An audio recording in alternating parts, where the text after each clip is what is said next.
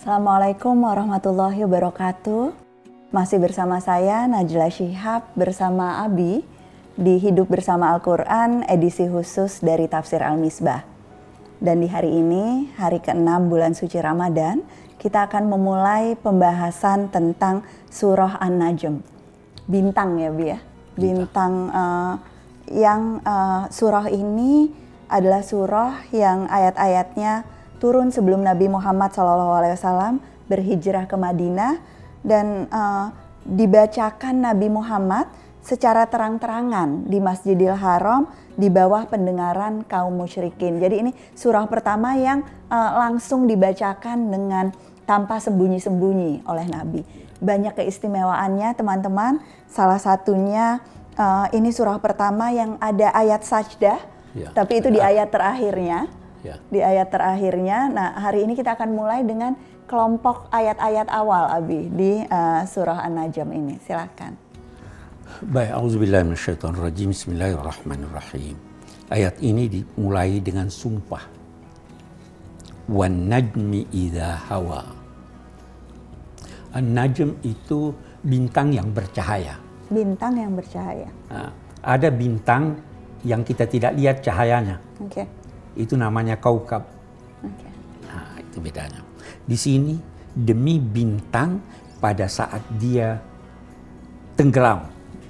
Pada saat terbenam. Nah, atau terbenam. E, bintang yang dimaksud di sini adalah bintang yang dikenal baik oleh masyarakat Mekah, masyarakat Arab ketika itu, dan kita pun mengenalnya, bisa melihatnya itu bintang Sirus, Sirus, okay. ya. Nah, bintang ini eh, disembah oleh sebagian kaum musyrik.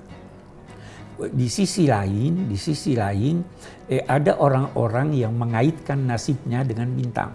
Sampai sekarang masih ada ya? Masih ada banyak. Siapa yang masih uh, percaya pada astrologi ya, dan seterusnya. Oke, okay. Tuhan bersumpah demi bintang ketika dia tenggelam. Eh, menarik, kalau Al-Quran menggunakan sumpah, biasanya sumpah menyangkut hal-hal yang besar yang bermanfaat, tapi dalam saat yang sama dia mengisyaratkan bahwa itu tidak wajar untuk dipertuhan. Jadi di surah Atur yang lalu pun uh, dimulai dengan sumpah ya, sumpah. kemudian diakhiri dengan tasbih ya. dan kemudian dilanjutkan dengan uh, sumpah yang sumpah lain, lain di okay. surah An-Najm ini. Nah, jadi di sini karena ada yang menyembah, Tuhan sebut ya memang itu agung. Tapi ingat, dia tenggelam, dia tidak dia tidak terus-menerus ada. ada. Tuhan itu harus wujud menemani Anda. Bukan saja waktu Anda sadar, tapi waktu tidak sadar, waktu tidur, waktu uh, hidup, mati, jalan, pokoknya Tuhan berada terus-menerus. Oke. Okay. Ma dhalla sahibukum wa ma ghawa. Dhalla ghawa. Ada dua kata. Dhalla itu artinya tidak mengetahui arah Gawa itu artinya sesat. Eh, tidak mengetahui kebenaran atau bahkan melenceng dari kebenaran. Jadi beda kan? Abi mau beri contoh. Bala tidak mengetahui arah. Kalau lupa, itu bala arah. tidak tahu arah. Kita di jalan, ini ke mana nih kita, kiri atau kanan? Itu namanya bala. Nabi Muhammad sebelum adanya wahyu bala wajadaka dhalam fahada. Dia menemui kamu sesat. Jangan artikan sesat di sini bahwa eh, oh, sesat dia ke arah yang lain. Uh, dia tidak tahu ini ada ajaran Kristen, ini ada ajaran Yahudi, ini ada ajaran ini. Dia tidak tahu arah yang benar.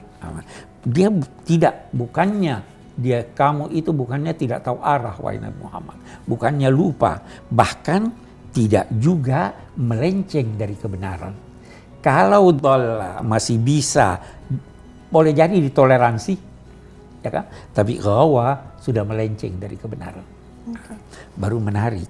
Dia Nabi Muhammad di sini ditunjuk dengan kata sahibukum, teman kamu. Teman kamu. Kamu kenal temanmu atau tidak? Mestinya kenal. Mestinya kenal. Itu Nabi Muhammad teman kamu, selalu menemani kamu, kamu selalu bersama dia. 40 tahun kamu kenal dia sahabatmu. Masa kamu mau berkata dia bohong? Ya kan itu. Wa ma yantiqu anil hawa.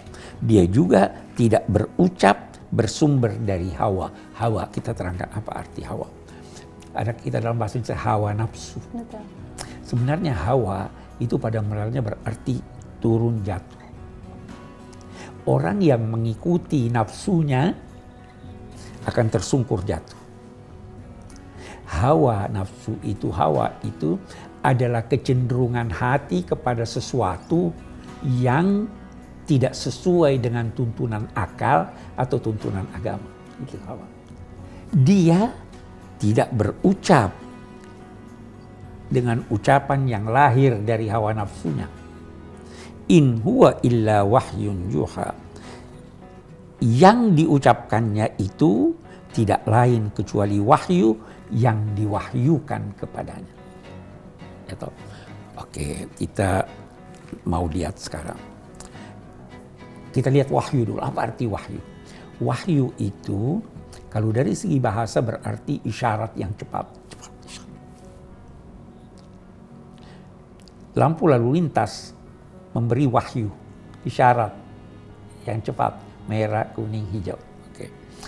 Kalau dari segi agama, wahyu itu adalah informasi Tuhan yang disampaikan kepada seorang nabi dan sang nabi yakin 100% bahwa itu bersumber dari Tuhan. Tidak ada keraguan. Tidak ada keraguan.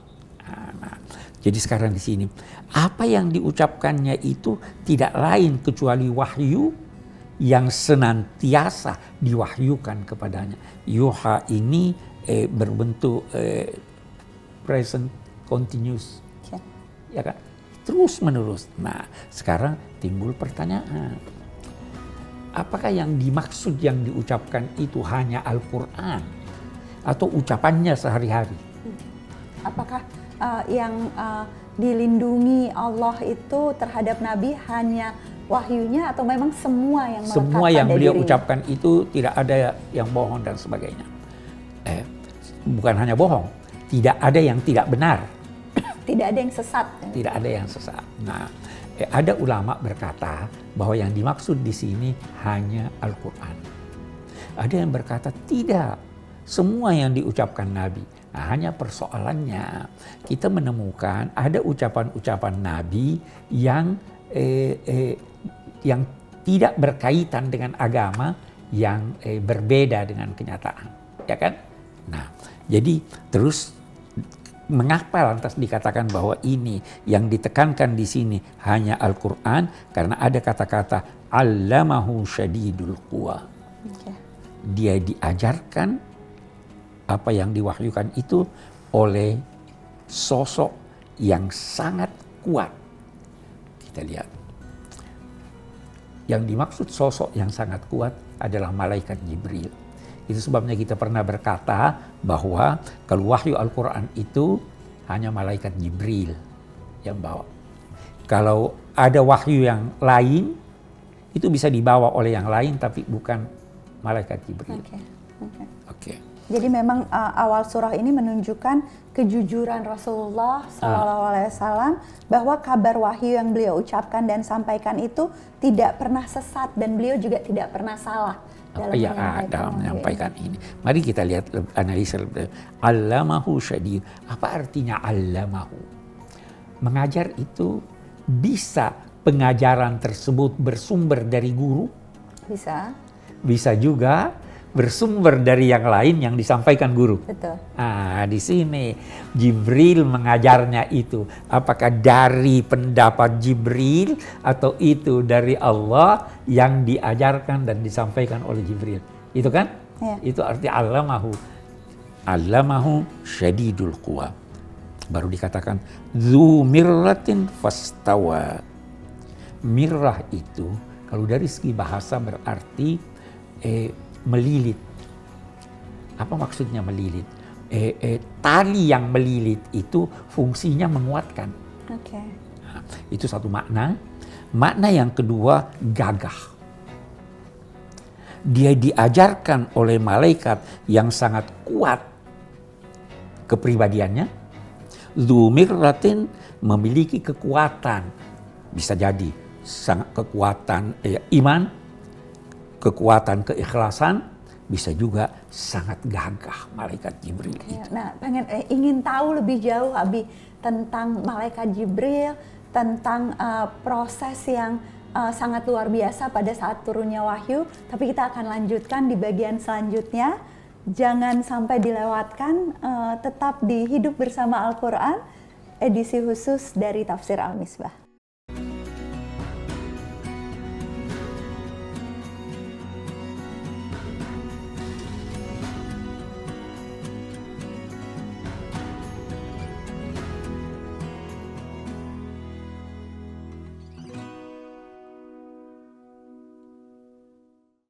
Pendidikan Kader Mufasir adalah salah satu program dari Pusat Studi Al-Quran.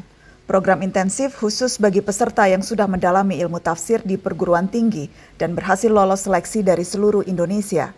Selama enam bulan sampai satu tahun, para kader ini mendapat pengayaan serta mentoring ilmu-ilmu Al-Quran lainnya dari Dewan Pakar PSQ. Program ini bertujuan melahirkan mufasir yang mumpuni serta mampu menghasilkan karya untuk kemaslahatan umat.